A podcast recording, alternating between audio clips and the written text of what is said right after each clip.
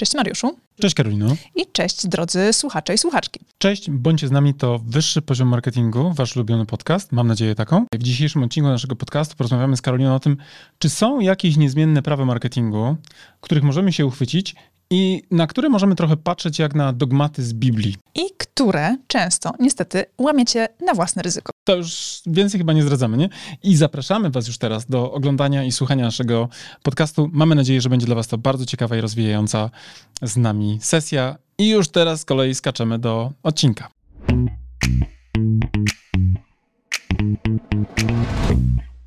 No dobrze, Mariusz, to powiedz mi w takim razie, rozmawialiśmy o tych, e, a w zasadzie chcemy porozmawiać o niezmiennych prawach marketingu, na których ty byś się skupił jako strateg marketingowy, które dla ciebie wydają się najważniejsze? Dobre pytanie. Ja bym w ogóle zaczął chyba od tego, czy coś jest w przyrodzie niezmienne. Czy możemy powiedzieć, że coś w tej rzeczywistości, w której funkcjonujemy w tej chwili, czy w tym takim bardzo mocnym przyspieszeniu technologicznym, czy istnieją jakieś e, paradygmaty, czyli takie założenia wstępne, co do których wiemy, że są stałe? No jest pewnie kilka takich, jak to, że po nocy przyjdzie dzień.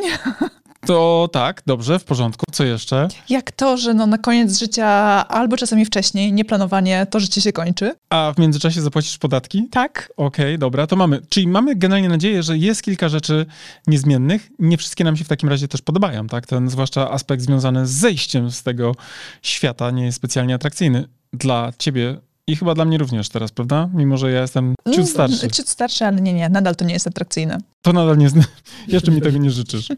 No dobra, pogadajmy sobie o tym, czy w marketingu są jakieś prawa, które są niezmienne. Punktem odniesienia oczywiście do tej rozmowy jest książka Larisa i Jacka Trauta, 22 e, niezmiennych praw marketingu. Ta książka już ma właściwie trzy dekady na karku. Tak, 30 lat temu napisali ci autorzy tę pozycję i uważam, że jest nadal atrakcyjna. To znaczy, jeżeli podejdzie się do niej jako do pewnego rodzaju filozofii na temat myślenia o mechanizmach i prawidłach rządzących markami, to tam jest dużo jeszcze takich rzeczy, które się bardzo ładnie zestarzały. Są moim zdaniem nadal aktualne do rozważania pewnych takich decyzji strategicznych. Czyli nadal są niezmienne. Nadal można powiedzieć, że ta fraza niezmienna, w sensie niezmienne, dobrze tam siedzi.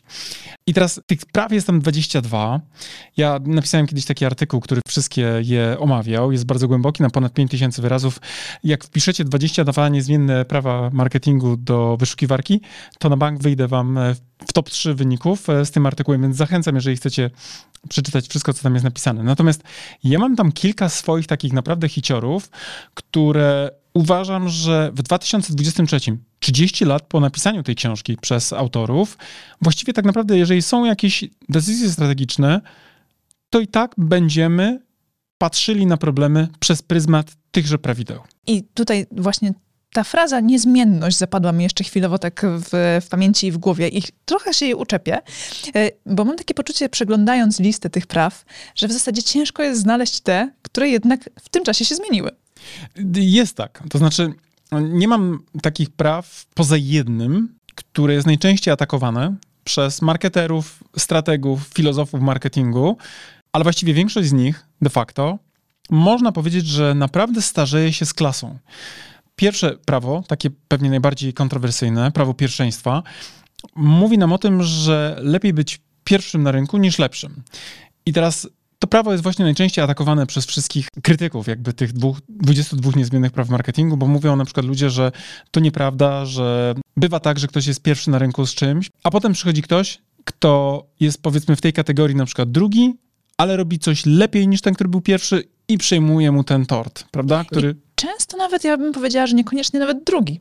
Często któraś marka w kolejce, tak, w kolejności zaczyna być właśnie zdecydowanie lepsza i przejmuje tę pałeczkę pierwszeństwa. Tak. I może być tak, że jakiś dzisiaj nieznany nam brand, jakaś nieznana nam marka, nagle ni z tego out of blue, nie? jakby powiedzieli anglosasi, wskakuje nam do naszej kategorii, bo ma lepszą technologię, bo ma lepszy marketing, bo ma lepszą komunikację, bo ma lepszy customer experience, bo ma lepsze e, modele biznesowe na poziomie ogólnym i potrafi lepiej to wszystko zrobić. I nagle się okazuje, że ty z twoim modelem biznesowym dezaktualizujesz się. I to, że byłeś pierwszy w tej kategorii, w żaden sposób nie daje tobie immunitetu, w żaden sposób nie immunizuje twojego brandu na, na te problemy. W związku z tym, to prawo faktycznie często jest kontestowane i to prawo, no w sumie faktycznie z tych wszystkich, ma najmniejszą liczbę argumentów do mówienia o tym, że to jest jakiś dogmat. Tak, i bardzo ciekawe jest to, że to jest w ogóle pierwsze prawo, które rozpoczyna całą listę tych 22 praw. I też bardzo ciekawe jest to, że w zasadzie na liście tej praw znajduje się też prawo, które troszeczkę neutralizuje efekt pierwszego prawa, czyli trzecie prawo, prawo pierwszeństwa myśli. Tak, to jest prawo, które bardzo lubię i które wiesz, tak trochę przewrotnie, ja uważam, że jest numer jeden prawem z tych tak. 22 niezmiennych praw marketingu. Jest moim ulubionym. To prawo e, trzecie mówi nam, e, że lepiej być pierwszym, ale uwaga, to jest ważny disclaimer, w czyjejś e, głowie, a niekoniecznie pierwszym na rynku.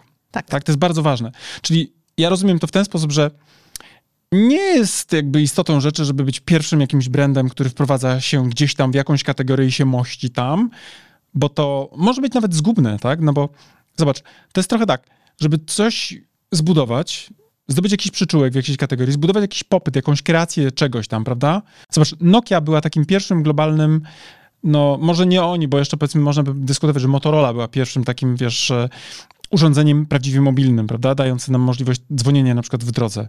Czyli powiedzmy, że Motorola wykonała robotę popularyzacji przenośnych telefonów, a kto zgarnął z tego tytułu największe benefity? Kto wyjada konfitury?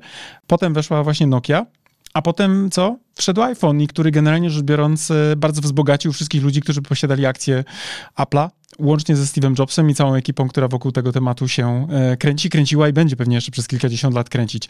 Więc i Może wcale, tak. wcale nie byli pierwsi na rynku z tym rozwiązaniem. W żaden sposób nie byli pierwsi na rynku. Choć Nawet znowu... nie mieli pierwszego smartfona, nie? Przecież Nokia mówiła, że ma też smart rozwiązania. Tak. Tak, tak, tak. A okazuje się, że wcale nie, bo w Chinach dużo czasu, czasu przed nimi już takie rozwiązania e, zaczynały funkcjonować i po prostu oni zawładnęli umysłami odbiorców tak. i zajęli to pierwsze, najważniejsze miejsce. Kiedy myślimy o telefonie, tak, tak, kiedy myślimy o telefonie, o smartfonie, to wtedy były e, iPhony. No oczywiście teraz to się też mocno zmieniło, bo teraz są Androidy, tak, różne e, Samsungi, Huawei i innego typu, typu marki. Mamy nadal bardzo rozdrobnioną tą kategorię, w sensie mamy dużo więcej graczy w tej kategorii, tak, mamy powiedzmy mocno wysyconą konkurentami, Natomiast ci, którzy zarabiają najwięcej w ramach tego trzeciego prawa marketingu, tak, czyli prawa pierwszeństwa myśli, to są właśnie ci, którzy za pomocą na przykład, teraz ja myślę sobie na poziomie mechanizmu, nie, magii personal brandingu też Steve'a Jobsa, tak, no bo on był takim właśnie wiesz, wytrychem do umysłów fanbazy aplowskiej. To przecież jego legenda, to jego opowieści, to jego storytelling, który uprawiał na scenie, na tych swoich e, e, wystąpieniach, e, konferencjach prezentujących produkty, to właśnie jego wystąpienia zawładnęły sercami i umysłami, sprawiając, że ludzie, którzy byli odbiorcami tej komunikacji, zapragnęli posiadać te urządzenia. Mimo, że uwaga, właśnie iPhony nie były pierwszymi smartfonami e, na rynku, choć nie jeden pewnie kwestionował tak naprawdę prawdziwą smartfonowość, e, na przykład Nokii wcześniej, prawda? Między innymi ja również nie miałem przekonania, mimo że byłem użytkownikiem jakiegoś tam e, kolejnego e, urządzenia właśnie marki Nokia, to nie miałem poczucia, że to jest prawdziwy smartfon, dopóki właśnie nie tknąłem sobie tego swojego pierwszego iPhone'a. Więc technicznie ja bym powiedział tak, że pierwsze prawo, mówiące nam o tym, że lepiej być pierwszym niż lepszym, ma dość dużo krytyków i ja bym powiedział, że faktycznie z nim też się nie zgodzę. Powiedziałbym, że czasami jednak być followersem, czasami zobaczyć, jak pionierzy rynkowi przecierają te szlaki i jak tworzą coś na wzór... Wiesz, Prototypu, który można udoskonalić. Albo kolejn, po których my możemy pójść, tak? Bo oni się przetrą, oni mają tą maczetę w łapie, oni tą dżunglę nam powycinają, a my sobie, wiesz... Na Oczyszczą nam drogę i tak, my tak. po prostu z łatwością tam... No bo oni, oni zasieją świadomość na przykład problemów, oni pokażą, że na przykład hej, słuchajcie, nie musicie dzwonić z domu, nie musicie być przykuci kablem telefonicznym do ściany, możecie wyjść, zadzwonić w drodze z samochodu, z pociągu, z samolotu, gdziekolwiek jesteście, tam wy możecie być. Poniosą nakłady E, inwestycyjne na e, innowacje, tak, no bo to trzeba jakby zminiaturyzować na przykład urządzenia do tego stopnia, żeby można było je przenosić, to też jest nakład. Potem trzeba zrobić wydatek marketingowy na tworzenie kategorii, tak, to znaczy pokazać ludziom, słuchajcie, no trochę przypałowo, że nie możecie zadzwonić z samochodu, zobaczcie w naszej reklamie, jak to fajnie wygląda, jak to fajnie można e, realizować swoje życie. Więc technicznie pierwsze prawo marketingu możemy powiedzieć, że się brzydko zestarzało i że daje dużą dawkę możliwości dyskutowania. Ale już te pozostałe, kurcze, generalnie uważam, że cały czas naprawdę pięknie, pięknie mają zmarszczki prawdopodobnie, bo pewnie można by było używać lepszych przykładów w tej książce, bardziej współczesnych. Ale, ale do przykładów, a nie praw. Ale nie same prawa, bo zmienia się otoczenie, zmieniają się marki, które są wymieniane, ale nie zmienia się tak naprawdę ten metaopis danej rzeczywistości marketingowej. Teraz mówiliśmy o pierwszym prawie, pierwszym prawie, tak, prawie pierwszeństwa, które mówi nam o tym właśnie, że lepiej być pierwszym niż lepszym. A drugie, jedno z moich takich topowych praw tego, e, tych autorów. Drugie, tak zwane prawo kategorii. Jak nie możesz być pierwszy w jakiejś kategorii, no bo jakiś już biznes tam działa, operuje i kurczę, no weszli na takiej pełnej, że zasadniczo nie jesteś w stanie z nim wygrać, to co oni radzą? Według drugiego prawa marketingu, które nazywa się właśnie prawem kategorii, e, jak nie możesz być pierwszy w jakiejś kategorii, to uwaga, utwórz kategorię, w której będziesz pierwszy. Tak, czyli na przykład, jeżeli jesteś o czymś, to dołóż określoną percepcję tego, co robisz, dołóż feature, dołóż do modelu biznesowego określone funkcjonalności i spraw, że dzięki temu będziesz mógł pozycjonować się jako coś, czego jeszcze na przykład w danej kategorii, w danej rzeczywistości jeszcze nie było. I to drugie prawo prawo kategorii jest genialną odpowiedzią na pytanie, co robić w skomodytyzowanych kategoriach. Co robić, kiedy mamy już te czerwone oceany? Być może trzeba przemyśleć, czy przypadkiem nie należy właśnie cofnąć się do modelu biznesowego i czy nie trzeba przypadkiem przemyśleć value proposition, tej propozycji wartości, którą dostarczamy na rynek, a jeśli tak, to jak to później opakujemy i jak sprawimy, że trzecie prawo marketingu, to prawo pierwszeństwa myśli, tak, o którym mówiłaś, będzie miało w naszym przypadku dominujący głos, czyli jak sprawimy, że nasza baza odbiorców na zapytanie, kto jest najlepszym dostawcą w kategorii X, zawsze będzie miała jedną odpowiedź. Marka XYZ. Bo prawo pierwszeństwa myśli mówi nam o tym właśnie, że nie musimy być pierwsi na rynku, ale to, co absolutnie musimy robić, to być pierwsi w umysłach grupy docelowej, w umysłach i sercach. I to bardzo dobrze koresponduje w ogóle z takim nowocześniejszym może nurtem myślenia, który wdrożył do obiegu Byron Sharp w swojej książce How Brands Grow. On mówi o tak zwanej e, fizycznej i mentalnej dostępności.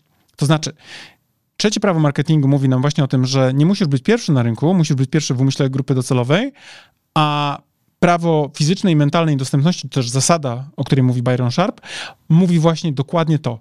Nie musisz być w kategorii, w której na przykład, nie wiem, działa tysiąc różnych tam powiedzmy przedmiotów, e, podmiotów, e, jedynym, natomiast musisz zrobić bardzo dużo, żeby ten konsument, który ma iść na zakupy i zobaczy ciebie na półce, już wcześniej miał zbudowaną tą fizyczną i mentalną dostępność, czyli zobaczył produkt w kontekście jakimś i myślał o nim przez jakiś określony czas. Tak, i tutaj generalnie odnośnie tego prawa właśnie trzeciego, prawa pierwszeństwa myśli, ja bym je wsparła jeszcze dodatkowo ostatnim prawem. Y, I dla mnie ono jest naprawdę bardzo, bardzo istotne i ja je bardzo lubię. To jest prawo zasobów, czyli pomysł nie ruszy z miejsca bez odpowiednich zasobów finansowych, tak?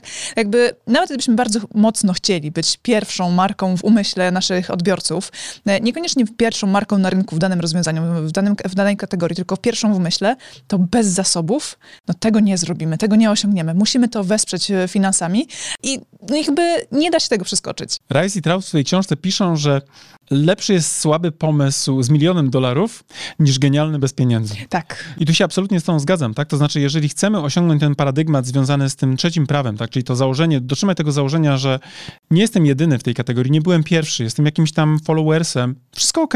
Ale jeśli jestem pozbawiony zasobów na realizację na przykład tej obecności w umysłach grupy docelowej, bo nie mam pieniędzy, pieniędzy na kampanię, oszczędzam na tym i myślę sobie, że dobry produkt sprzeda się sam, to popełniam oczywiście ogromny błąd. No dobrze, to jak już jesteśmy po, przy błędach i popełnianiu ich, łamiąc e, prawa marketingowe, to łamiąc które prawa popełniamy największe błędy? Myślę, że y, tych błędów przy tych prawach zasadniczo, jak będziemy je łamać, będziemy mieć przy każdym z nich po pewnie kilka par, nie? co najmniej po kilka par. Natomiast myślę sobie, że mm, bardzo dobrze byłoby jeszcze wspomnieć o tym, że często właściciele biznesu myślą, że w takich kategoriach właśnie mam dobry produkt, który sprzedaje się sam. Mam świetną funkcjonalność, która broni się sama. Natomiast Rice i Trout w swojej tej książce o niezmiennych prawach marketingu mówią w czwartym prawie marketingu o prawie percepcji. Prawo percepcji mówi nam o tym, że marketing to nie jest walka na wyroby, tak? czyli nie jest walka na produkty, typu ja mam feature'ów X, w tym swoim rozwiązaniu, a konkurent ma feature'ów Y, tak? Tylko mówi nam o tym, że Marketing to nie jest walka na wyroby, nie jest walka na specyfikację produktu, ale walka na percepcję, na postrzeganie tego, co ty dostarczasz. I teraz znowu możemy się odnieść do tych mm, Czyli dyskusji. znowu, nie musisz być lepszy, wystarczy, że będziesz postrzegany jako lepszy. Tak. To jest, wiesz, my jesteśmy, ludzie są emocjonalni. Ludzie są mocno heurystyczni w swoich osądach, tak? To znaczy posługujemy się skrótami myślowymi.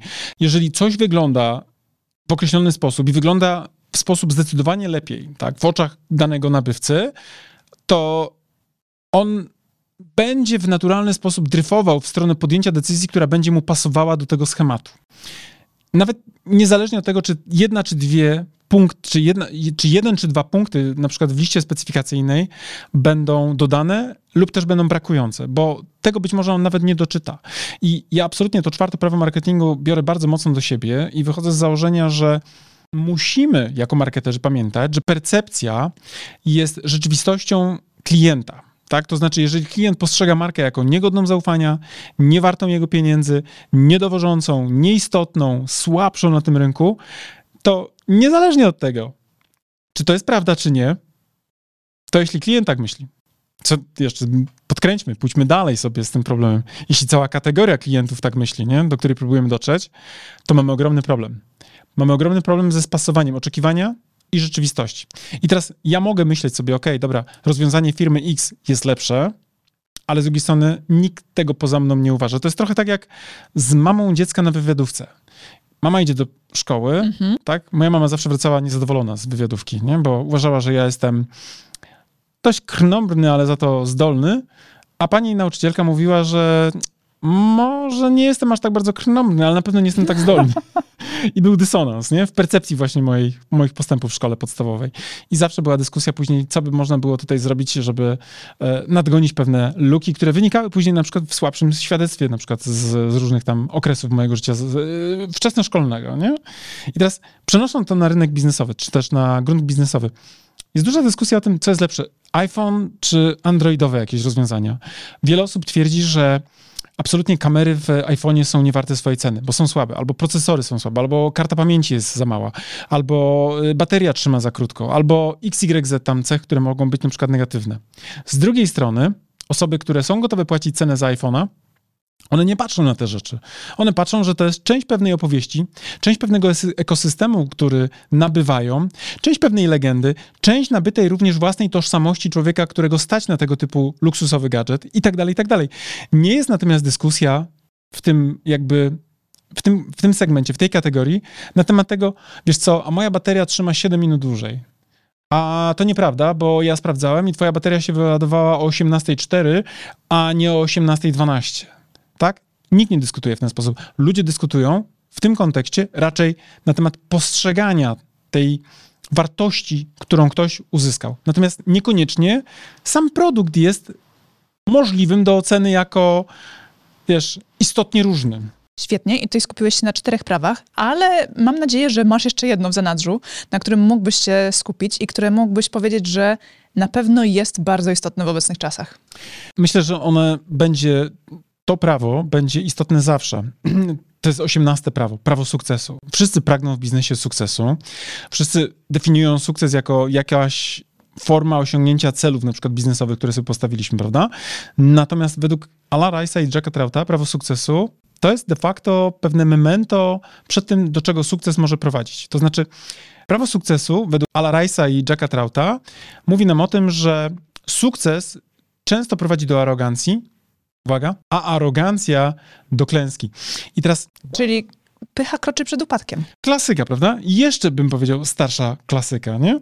Natomiast y, jakbyśmy sobie spojrzeli na przykład na współczesne case'y, tak? No bo mamy na przykład Elona Muska. Ewidentnie odniósł sukces. Odniósł sukces y, w PayPalu, odniósł sukces w SpaceX, prawda? Tesla ewidentnie y, trenduje, jeśli chodzi o wyniki, też pewnie będzie jeszcze długo, długo, dużo więcej warta niż na przykład e, tradycyjne automotywowe koncerny, tak, z którymi ona rywalizuje.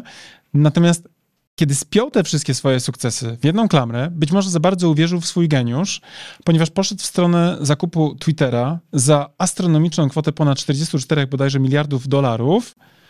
I jeśli ktoś myślał, że to jest koniec jakby jego problemów, to ktoś w tym momencie prawdopodobnie zaproponował, żeby ktoś podtrzymał komuś piwo. Bo to, był dopiero, to było dopiero preludium, prawda? Do dziwnych sytuacji związanych z zarządzaniem tą firmą, pozwalnianiem zdolnych ludzi, którzy odpowiadali za procesy technologiczne, za utrzymanie infrastruktury krytycznej, za bezpieczeństwo. Za czym postąpił od razu natychmiast gigantyczny odpływ reklamodawców, którzy nie chcieli być obecni czy inwestować na platformie, która jest tak niestabilna i która generalnie rzecz biorąc no trochę rodzi ryzyka związane z jakimiś kryzysami też wizerunkowymi, tak? No bo oni tam generalnie w duchu free speecha pozwalają no, pewnym kontrowersyjnym twórcom zabierać więcej przestrzeni niż pewnie by mogli e, w takim bardziej korporacyjnym świecie znajdować. I wiadomo, duch wolności słowa to jest jedno, a z drugiej strony potrzeba efektywności, ale zarazem też politycznej poprawności ogromnych reklamodawców z ogromnymi budżetami, to jest druga sprawa, nie? Potem mamy jego e, rebranding, którego jeszcze właściwie do końca nawet nie umiem e, ocenić. Na razie patrzę na to krytycznie. Na razie patrzę na sposób przeprowadzenia samego procesu bardzo, bardzo z dużymi znakami zapytami, zapytania. On właściwie złamał wszelkie zasady związane z tym, jak to się robi. Dlaczego? Bo prawdopodobnie właśnie jego wcześniejsze sukcesy, na bazie których podejmuje decyzje bieżące, są tak duże, że przyćmiewają jego zdolności racjonalnej, analitycznej, takiej bym powiedział, zgodnej z logiką biznesową ścieżki. Tak, myślę, że to już jest podejście na zasadzie, teraz już mi wszystko wolno. Już mogę wszystko i w zasadzie mogę złamać wszelkie zasady. To jest opis właśnie arogancji. Nie? To jest opis czystej definicji arogancji. Tak? I znowu, od każdej definicji czy od każdej reguły są pewnie wyjątki. Natomiast w przypadku ewidentnie Elona Muska można powiedzieć, że na razie udało, udało mu się osiągnąć, jakby e, stosując to prawo, właściwie odwrotność sukcesu. Nie? To znaczy wydał więcej niż Twitter był kiedykolwiek warty, realnie, stracił reklamodawców, stracił e, ogromną liczbę też pieniędzy na ten moment, tak? To znaczy, póki nie wyjdzie i nie sprzeda, to pewnie można by dyskutować, czy fizycznie stracił, czy na razie ma mniej warte udziały w tej spółce, tak?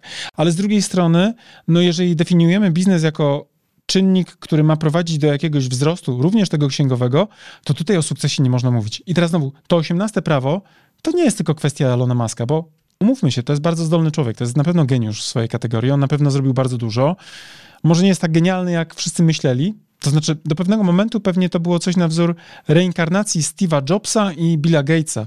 Dzisiaj raczej się myśli, że to no, nie wiadomo do końca, co tam siedzi w tej głowie, nie?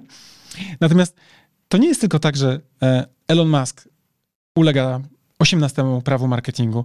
Każdy z nas może wpaść tą pułapkę. Kiedy nam zaczyna się wydawać, że wszystko już będzie zawsze tak samo dobrze, to być może będziemy zwalniać ludzi z marketingu. No bo skoro produkty sprzedają się tak ładnie, to po co nam te działania marketingowe, prawda? I moja arogancka percepcja na przykład otoczenia rynkowego może sprawić, że ja podetnę gałąź, na której sobie siedzę. Mogę przeinwestować w danym momencie, mogę wydać pieniędzy więcej na przykład na jakieś e, banialuki, tak? Typu na przykład, nie wiem, nowy samochód, tak? Któż nie kupił nowego samochodu w leasing? Nie? Niech pierwszy rzuci kamieniem. Niech pierwszy rzuci kamieniem, nie? Droższego niż by mu wystarczyło do pojechania z punktu A do punktu B i tak dalej, i tak dalej. Więc tak, prawo sukcesu, 18 prawo tego, tych autorów, moim zdaniem będzie zawsze aktualne, tak długo jak będą rządzili wszystkim ludzie, którzy są bardzo emocjonalni. To generalnie mówiliśmy pięć praw. Mam wrażenie, że one są obecnie kluczowe i ich łamanie jest wielkim ryzykiem dla osób prowadzących własne biznesy. Czy są jeszcze jakieś prawa, które jeżeli złamiemy właśnie, to jesteśmy narażeni na ogromną klęskę. Ja myślę, że warto jeszcze pogadać sobie o 13 prawie. 13 to, wiesz, liczba 13 yy, no trochę znamionuje pewnego rodzaju pecha, nie? To znaczy 13 pięter podobno nie buduje się w hotelach, tak? Przeskakuje się do 14, żeby nie było, że jest pechowe piętro. Piątek 13 też jest katastrofą i ja myślę, że w tym przypadku, jeżeli byśmy chcieli naprawdę się pokusić o jakąś taką jednoznaczną wskazówkę, na co trzeba uważać, to właśnie na 13 prawo. Dlaczego? To prawo nam mówi o tak zwanym prawie rezygnacji. To znaczy, prawo rezygnacji mówi, że aby coś zyskać, coś nowego, trzeba poświęcić coś starego.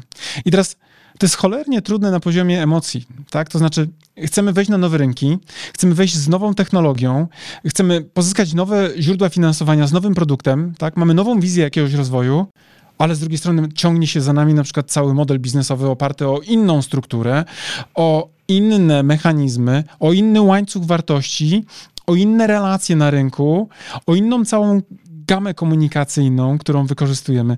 I teraz ta niechęć do rezygnacji z tego, co było kiedyś, co nam dało kiedyś wejście na rynek, może sprawić, że jak złamiemy tak, to prawo, tak, czyli przestaniemy generalnie rezygnować z przeszłości, to być może nie będziemy mieli przyszłości. To prawo jest tak uniwersalne, że ja od razu zaczęłam myśleć o tym, że chcąc zyskać sześciopak, musisz zrezygnować ze, scroll- ze scrollowania TikToka, leżenia na kanapie i oglądania Netflixa, z węgli i z zajadania e, wieczorów e, chipsami i popijania piwem. Tak jest. To znaczy, jeżeli chcesz No mieć... i to są przyjemności, których ciężko czasami odpuścić, ale jeżeli chcemy zyskać to co, to, co przed nami właśnie tutaj stoi jako cel, czyli sześciopak i na przykład lepsza kondycja, to niestety. To prawo nam mówi, tak trochę transformując na y, język ogólny, nie ma darmowych lunchy. Tak? To znaczy, jeżeli chcesz wejść w nową kategorię, jeżeli chcesz robić nowe rzeczy, o których marzyłeś całe życie, jeżeli chcesz robić coś, co będzie dla ciebie przygodą, będzie związane z pewnego rodzaju też y, kulturą innowacji, tak? czyli wejdziesz z czymś zupełnie, no właśnie nowym, nieznanym, to w jakimś stopniu musisz się odciąć od tego, co było. I teraz znowu, to jest bardzo trudno zrobić. Dlaczego? Bo z jednej strony potrzebujemy jako ludzie nowości, zmiany, tak? Ten mechanizm dopaminowy nas nagradza, kiedy eksplorujemy nowe przestrzenie, kiedy poznajemy nowe obszary, kiedy uczymy się nowych rzeczy, kiedy zdobywamy jakieś nowe cele, a z drugiej strony mamy te atawistyczne lęki przed stratą, nie? które też są głęboko w nas zakorzenione. Więc generalnie rzecz biorąc tak, te trzynaste prawo marketingu, tak, prawo rezygnacji, uważam, że powinno być na każdym spotkaniu zarządu dyskutowane na zasadzie, słuchajcie, ja wiem, macie innowacyjny pomysł, podoba mi się. Tak co do zasady uważam, że jest super. I teraz pytanie, z czego jesteśmy w stanie zrezygnować, żeby ten pomysł zrealizować. Bo to, że nie uda nam się zrobić wszystkiego, to znowu porzekadło ludowe może przyjść nam do, w sukurs. Nie da się łapać nie, dziesięciu srok za ogon. Tak nie powinno się tego robić. To znaczy, już jakby lud, prosty lud wiedział o tym, że to nie jest bardzo efektywna metoda. To na każdym zarządzie, tak, który będzie dyskutował o tym, czy na przykład rezygnujemy z tych kanałów dystrybucji na rzecz pozyskania własnego, niezależnego kanału dystrybucji, którym będzie na przykład, nie wiem, nasza platforma e-commerce'owa do sprzedaży naszych produktów B2B. Czy to jest kierunek, na który jesteśmy gotowi? Bo na pewno kogoś stracimy, na pewno kogoś wkurzymy. Na pewno któryś dystrybutor powie, kurczę, no, miałem mieć wyłączność na komunikację w tym regionie, a teraz moi konsumenci mogą pójść na przykład i kupić sobie bezpośrednio przez niego. Ale z drugiej strony Ktoś może na przykład nie chcieć tego zrobić i możemy sobie spojrzeć na historię Blockbustera, tak? Blockbuster to była taka wypożyczalnia kaset wideo, do której ja mieszkałem w Stanach. Lubiłem jeździć z moimi e, znajomymi po filmy na weekend e, który mieliśmy spędzić, nie? Gdzieś tam czasami obej obejrzeć sobie jakiś hit kinowy tam sprzed e, jakiegoś okresu czasu. Blockbuster na pewno nie chciał zrezygnować ze swojej fizycznej dystrybucji kaset. Nie chciał pójść w streaming online, ponieważ on miał ustawiony model biznesowy na fizyczny kontakt ludzi, gdzie przychodziło się po kasetę i gdzie wychodziło się z kasetą, a nie oglądało się przed swoim komputerem albo przed swoim własnym telewizorem w domu wygodnie. I nie potrafili zrezygnować z tego, co było. No i co się okazało? Przyszedł Netflix, i skasował model biznesowy do cna. E, co więcej, z tego co kojarzę, to chyba generalnie rzecz biorąc, e, Blockbuster e, miał kupić Netflixa, ale w pewnym stopniu tam się nie dogadali biznesowo i generalnie rzecz biorąc Netflixa nie nabyli, rezygnując z niego. A przy okazji rezygnując również ze swojej przyszłości. No i właśnie tutaj clue i najważniejsze, żeby coś zyskać, czasami coś trzeba stracić, tak? Czy coś trzeba poświęcić i trzeba być gotowym na to, żeby coś umieć poświęcić. I chyba najtrudniejsze w tym wszystkim jest to, żeby podjąć dobrą decyzję, co trzeba poświęcić tak. i widzieć ten cel i jakby być też optymistycznym co do tego, że ten cel osiągniemy, bo oczywiście nigdy pewności nie ma, że jeżeli no puścimy tę gałęź, czy ten rodzaj biznesu, na którym e, w tym momencie dobrze zarabiamy, by w przyszłości zarabiać jeszcze lepiej na czymś zupełnie innym, za czymś zupełnie nowym, no to ryzyko zawsze jest. I ta cholerna niepewność tej, tej, też tej tak. sytuacji. A z drugiej strony ja patrzę na to, ale jaka ekscytacja w procesie, jaka adrenalina wynikająca z tego, jakie litry dopaminy, które ci płyną do mózgu, czując tą motywację, prawda? Powodując tą motywację, którą masz do działania. Więc tak, technicznie oczywiście prawo rezygnacji jest cholernie trudne, bo naprawdę lubimy to, co znamy, myśląc z inżynierem Mamoniem, a z drugiej strony trochę chcielibyśmy czegoś nowego, ale trochę też boimy się niepewności, a przy okazji też jeszcze w tym wszystkim naprawdę nikt nam nie da gwarancji, że jeżeli wejdziemy w to, na tą nową ścieżkę, to że to się nam uda zrobić. Ale naprawdę nie ma czegoś takiego jak mm, możliwość e, posiadania wszystkich opcji zawsze bez poświęcenia jakiegoś ładunku ze sobą. E, na koniec tylko tego podcastu jeszcze posłużę się takim przykładem historycznym. Hernan Cortés, który zdobył Amerykę, tak, ten hiszpański konkwistador słynny, popłynął podobno ze swoimi e, konkwistadorami do Meksyku, zapakowawszy ich wcześniej na kilka drobnych okrętów e, i zaprosił ich, że tak powiem, do przygody, nie? wysadzając ich na plaży na takie trochę semi pół, e, takie semi all inclusive, nie? Na Mhm. zasadzie będziesz miał przygodę, wojaczkę, skarby i co tam jeszcze sobie znajdziesz. Chłopaki podobno nie były zadowolone po napotkaniu kilku takich początkowych trudności. W związku z tym Cortez podobno wymyślił, że spali im flotę, żeby nie główkowali. Jak tutaj wrócić? Jak wrócić? To znaczy, dał im opcję. No nie ma już możliwości, ponieważ zrezygnowaliśmy z drogi powrotu. Nie Ja dał za- im opcji, zabrał im opcję, już po prostu nie ma innej No tak, możliwości. to zrezygnowaliśmy na zasadzie, wiesz, taka trochę spółdzielcza decyzja, gdzie jest prezes, który sam decyduje za wszystkich, nie? Ale oczywiście, że tak, bo te mechanizmy oczywiście byłyby, tak? Na zasadzie, a po co ja mam przez dżunglę się przebijać? Dlaczego mam walczyć z tymi Indianami? Dlaczego mam ryzykować, wiesz, malarię? Dlaczego mam te moskity mnie ciągle ciąć? Dlaczego mm, mam być zjedzony przez krokodyla albo ukąszony przez węża? A, chrzanie te wakacje, nie? Wracam na Kubę. Spalenie floty jest de facto świadomym podjęciem wyboru o tym, że z czegoś rezygnuję, żeby zdobyć na przykład całe nowe terytorium. I ja wiem, że to jest trochę historycznie, tak? Ale z drugiej strony naprawdę to niezależnie od tym, czy mówimy o biznesie, czy o życiu osobistym, czy o właśnie marketingu, czy o nowych modelach biznesowych, zawsze z czegoś musimy zrezygnować, żeby zdobyć coś nowego. No to może teraz podsumujmy dzisiejszy odcinek i te prawa, o których wspominaliśmy, które są niezwykle istotne, a których łamanie jest też bardzo ryzykowne i których w zasadzie nie powinniśmy łamać, jeżeli chcemy dobrze żyć No może poza tym pierwszym, co do których ja na przykład uważam, że tutaj no jeszcze bym się gdzieś tam, wiesz, Jeszcze można negocjować. Jeszcze można negocjować, tak? Ale uważam, że jeżeli naprawdę jesteś w kategorii, w której naprawdę jest czerwony ocean, kopiesz się z koniem, tak? Ktoś wszedł z lepszą technologią, z lepszą obsługą klienta, z lepszym produktem, a ty nie masz na to możliwości go pokonać, to być może najlepsza rzecz to właśnie zrezygnować z tego a propos, nie? Miksowania tych praw ze sobą, zrezygnować z tego rynku i stworzyć dla siebie zupełnie nowy rynek, tak? Zupełnie nową kategorię, w której ty będziesz pierwszym, który będziesz dominował w tej kategorii i będziesz ustawiał swoje zasady, w ramach której funkcjonujesz.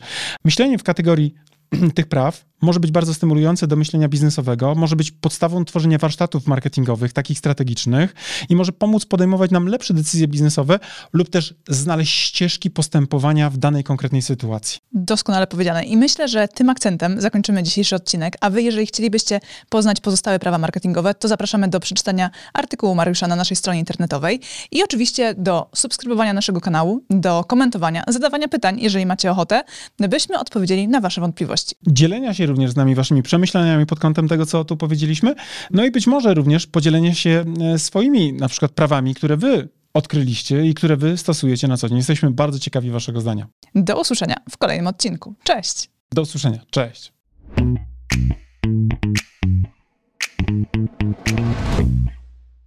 No dobra, to na tyle w dzisiejszym odcinku wyższego poziomu marketingu. A teraz pozwólcie, drodzy słuchacze, że powiemy Wam, dlaczego warto pójść na następny poziom, czyli skorzystać z naszego kursu ABC Strategii Marki.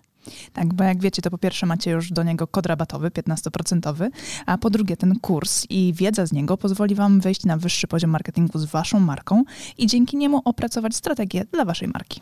I to jest oczywista oczywistość, prawda? Tego byśmy nawet nie musieli mówić, gdyż już na pewno wiecie. Natomiast to, co nie jest pewnie dla Was jasne, to to, z jakich elementów składa się ten kurs, prawda? Pierwszy taki, najważniejszy, od którego zawsze wychodzimy, który, uwaga, jest najmniej pewnie spektakularny, no bo wiąże się przede wszystkim z tą robotą w okopach, czyli analizą, prawda? To jest ten pierwszy obszar, który jest naprawdę niezwykle istotny. Dzięki naszemu kursowi APC Strategii Marki będziecie wiedzieli, jak zrobić badanie marketingowe, które pozwoli Wam określić to, co nazywamy fachowo consumer insightem, czyli insightem konsumenckim, albo inaczej mówiąc po polsku, po prostu tak jak należy, patriotycznie, co jest potrzebą konsumenta. Tak, ale też e, ten kurs pozwoli wam przejść do drugiego etapu, czyli etapu strategicznego i opracować strategię waszej marki, czyli znaleźć też unikalne pozycjonowanie dla waszej marki. No oczywiście jak to zrobić, dowiecie się z kursu, natomiast zaręczam wam, że ta wiedza, która jest w tym kursie przedstawiona, zdecydowanej większości z was pozwoli naprawdę zdystansować się od waszych konkurentów i po prostu zwyczajnie zarabiać więcej. A skoro już będziecie wiedzieli, jakie macie unikalne pozycjonowanie przyjąć dla waszej marki,